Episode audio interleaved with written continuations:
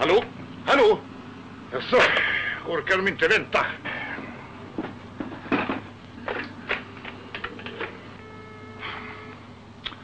Är Johansson ute och springer igen. Att han aldrig kan hålla sig på sitt rum.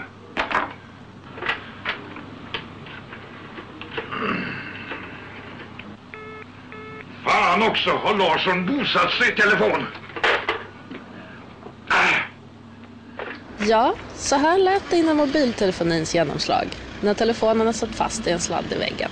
Det är en fantastisk utveckling som har skett från de allra första telefonerna till dagens smartphones. Och mycket tog sin början med företaget som har huserat här på Tulegatan i centrala Stockholm. Christer Hillerud från Centrum för näringslivshistoria. Vad är det här för plats?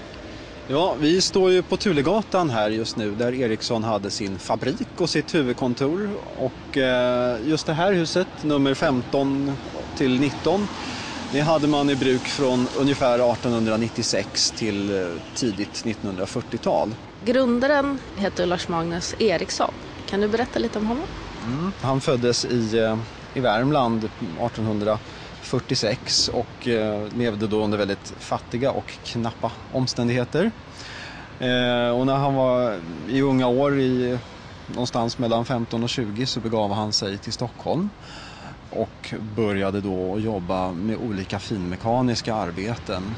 Han jobbade bland annat på en firma som heter Öller där, eh, som ägnade sig mycket åt att reparera telegrafutrustning och sånt till Televerket. Och sen så var det också så att han fick ett par resestipendier så att han var ute och reste i Tyskland i några år. Och sen när han kom tillbaka till Sverige Eh, runt 1874-75 så kände han att det var dags att eh, öppna egen hydda. Och det gjorde han 1876. Då hade han ett väldigt, väldigt litet, eh, en väldigt liten verkstad som var på Drottninggatan. Och det var en svarv och det var han och hans kompanjon som jobbade där. Och sen så växte företaget, blev större och större. Telefonen lanserades i Sverige och eh, Lars Magnus Eriksson som var både intresserad och duktig av nya tekniska prylar. Han eh, tog upp det här på sin egen, eh, på det som han började tillverka själv. Så 1878 så började han göra telefoner. Det är ju så vi känner företaget idag skulle vi kunna säga. Ja, vi kan väl gå in och kika lite på gården här. Ja, det gör vi. Det är en fantastiskt fin lucka här. Det var väl här man anmälde sitt besök antar jag? Ja precis, här fick man anmäla sig.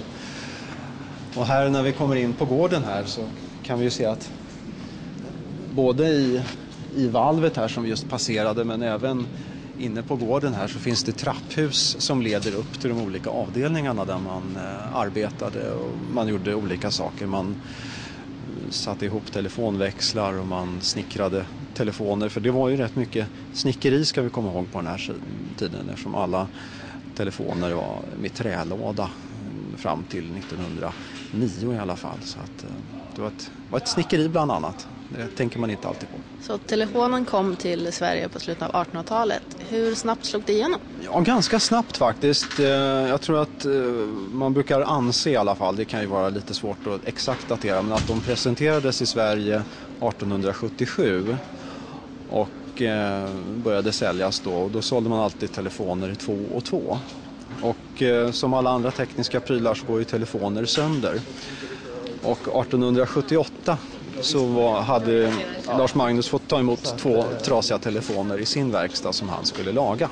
Och eh, det gjorde han naturligtvis men han passade också på att ta sig en rejäl titt på hur de var konstruerade och inte långt därefter så började han sälja telefoner av eget fabrikat. Och de kan man väl säga de var mer eller mindre en blåkopia på Bellbolagets telefoner.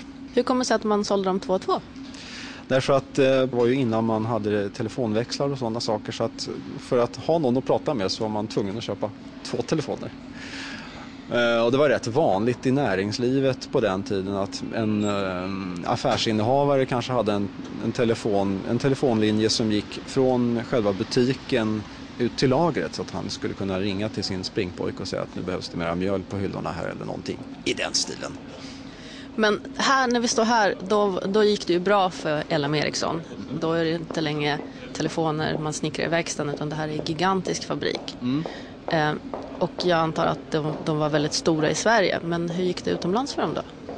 Jo, det gick väldigt bra för Ericsson utomlands eh, och eh, som sagt eh, redan tidigt på 1880-talet så hade man utvecklat, utvecklat växelsystem och sådana saker för telefoner så att man byggde stora system, man byggde system i både Sverige men snabbt även utomlands och 1896 så var man väl etablerad på många utländska marknader, inte bara i Sverige och Norden och Europa utan man hade mycket affärer i Sydafrika, eh, i Australien redan på den tiden och eh, Ryssland var också en mycket, mycket stor marknad för Ericsson.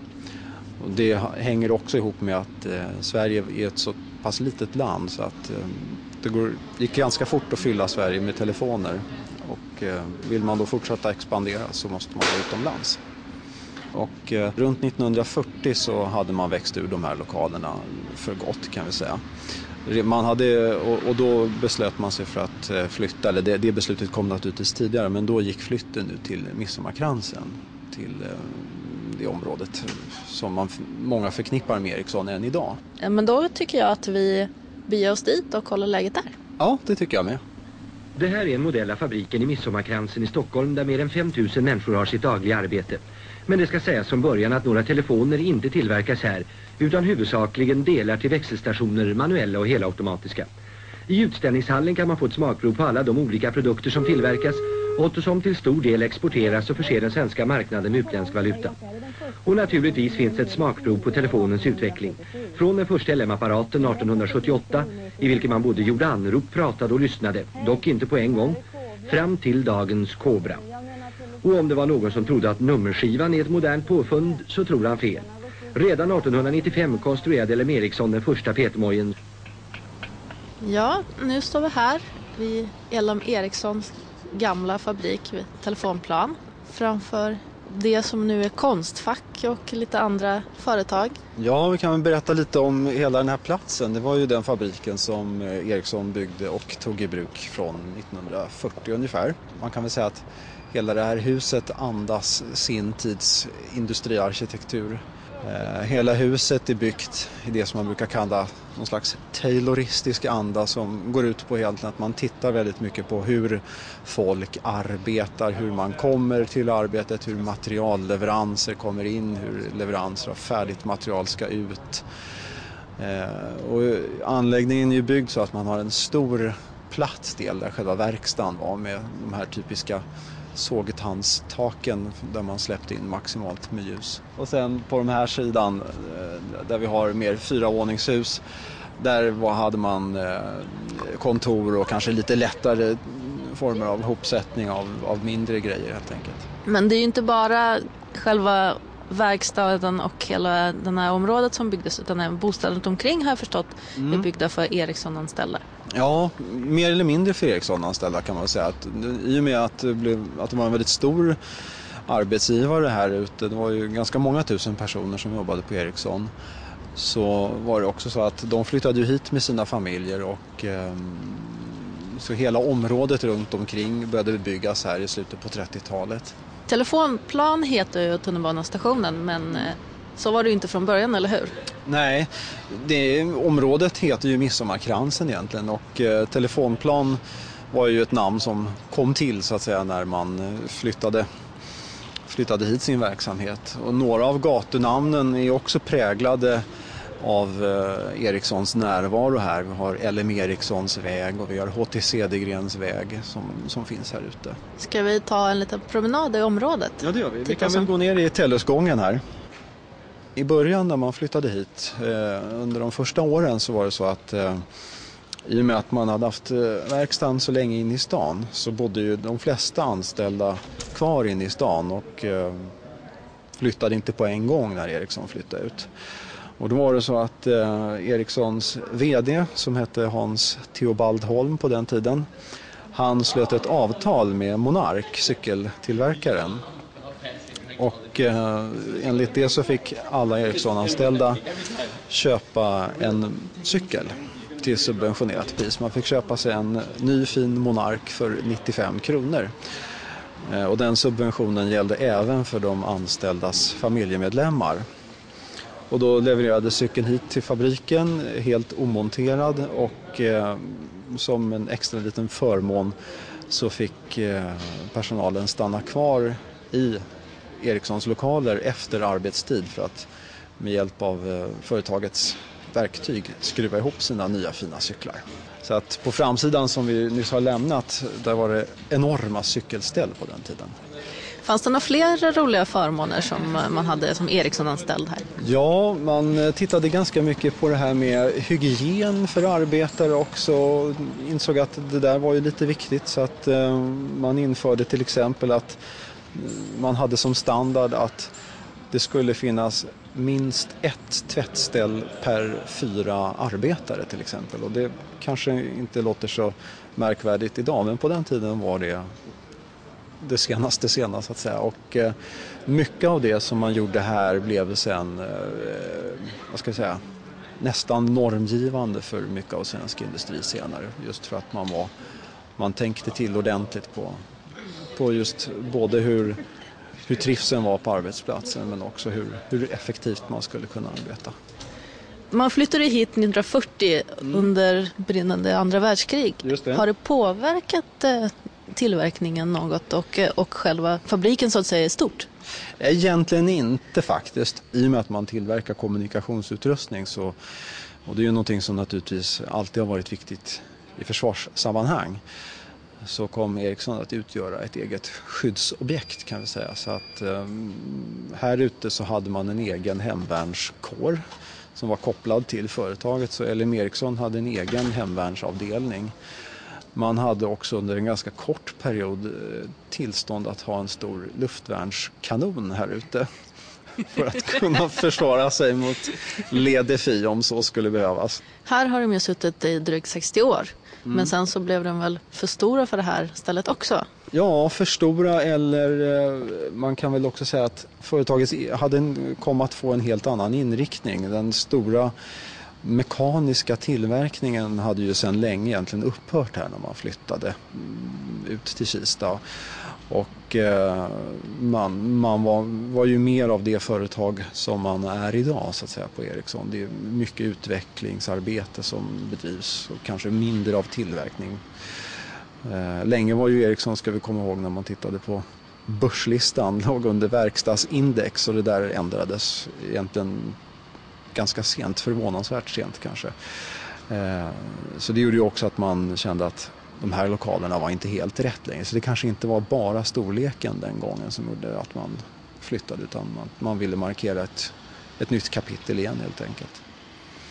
Så i början av 2000-talet så tog Ericsson sitt pick och pack och eh, flyttade huvudkontoret och lite annat till Kista. Just det, och då ska vi komma ihåg att då hade man varit i Kista i nästan 25 år med andra verksamheter så det var ju inte en ny Ericsson-mark egentligen som man kom till då. Men eh, det ska vi kanske titta lite närmare på om en stund. Ja, vi åker till Kista och kollar läget. Ja, det gör vi. His father is a laptop. His mother a mobile phone. His grandfather is a personal organizer. And his great-grandfather on his mother's side, an electronic notepad. He's the all-in-one Ericsson R380, which just goes to show dull parents can have pretty smart kids. The new Ericsson R380. We call it a smartphone.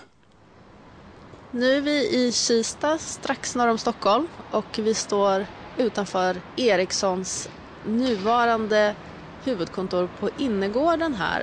Här har vi ju många företag som sitter idag men Ericsson var allra först och eh, när man var här de första åren det var lerigt och geggigt. Man la ut plankor som man gick på mellan husen och inte gegga ner skorna för mycket.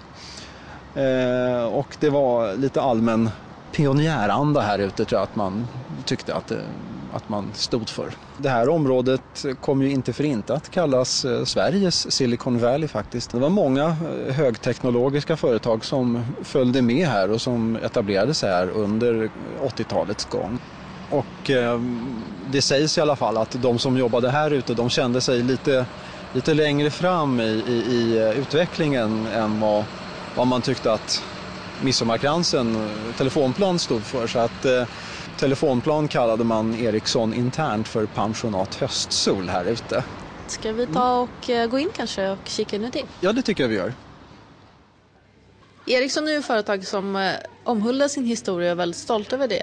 Det kan man ju se om man kommer in här och eftersom det första som öppnar sig framför ens ögon är en utställning om just Ericssons historia.